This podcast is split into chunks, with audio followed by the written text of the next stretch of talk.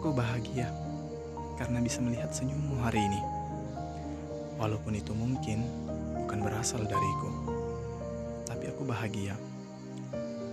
Kita mungkin gak bersama lagi, tapi aku harap kamu selalu bahagia dan menjalani hidup dengan baik. Jangan pernah bersedih untuk hal yang tidak penting, ya.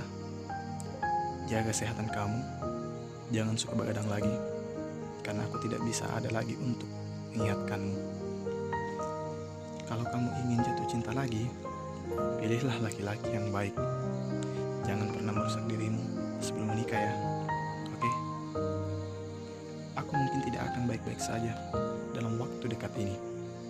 Tapi aku akan usaha walaupun pasti akan susah. Hahaha. Tapi tenang saja. Karena kamu udah bahagia, aku bersyukur. Setidaknya ketika aku pergi, aku tidak melihatmu dalam keadaan bersedih.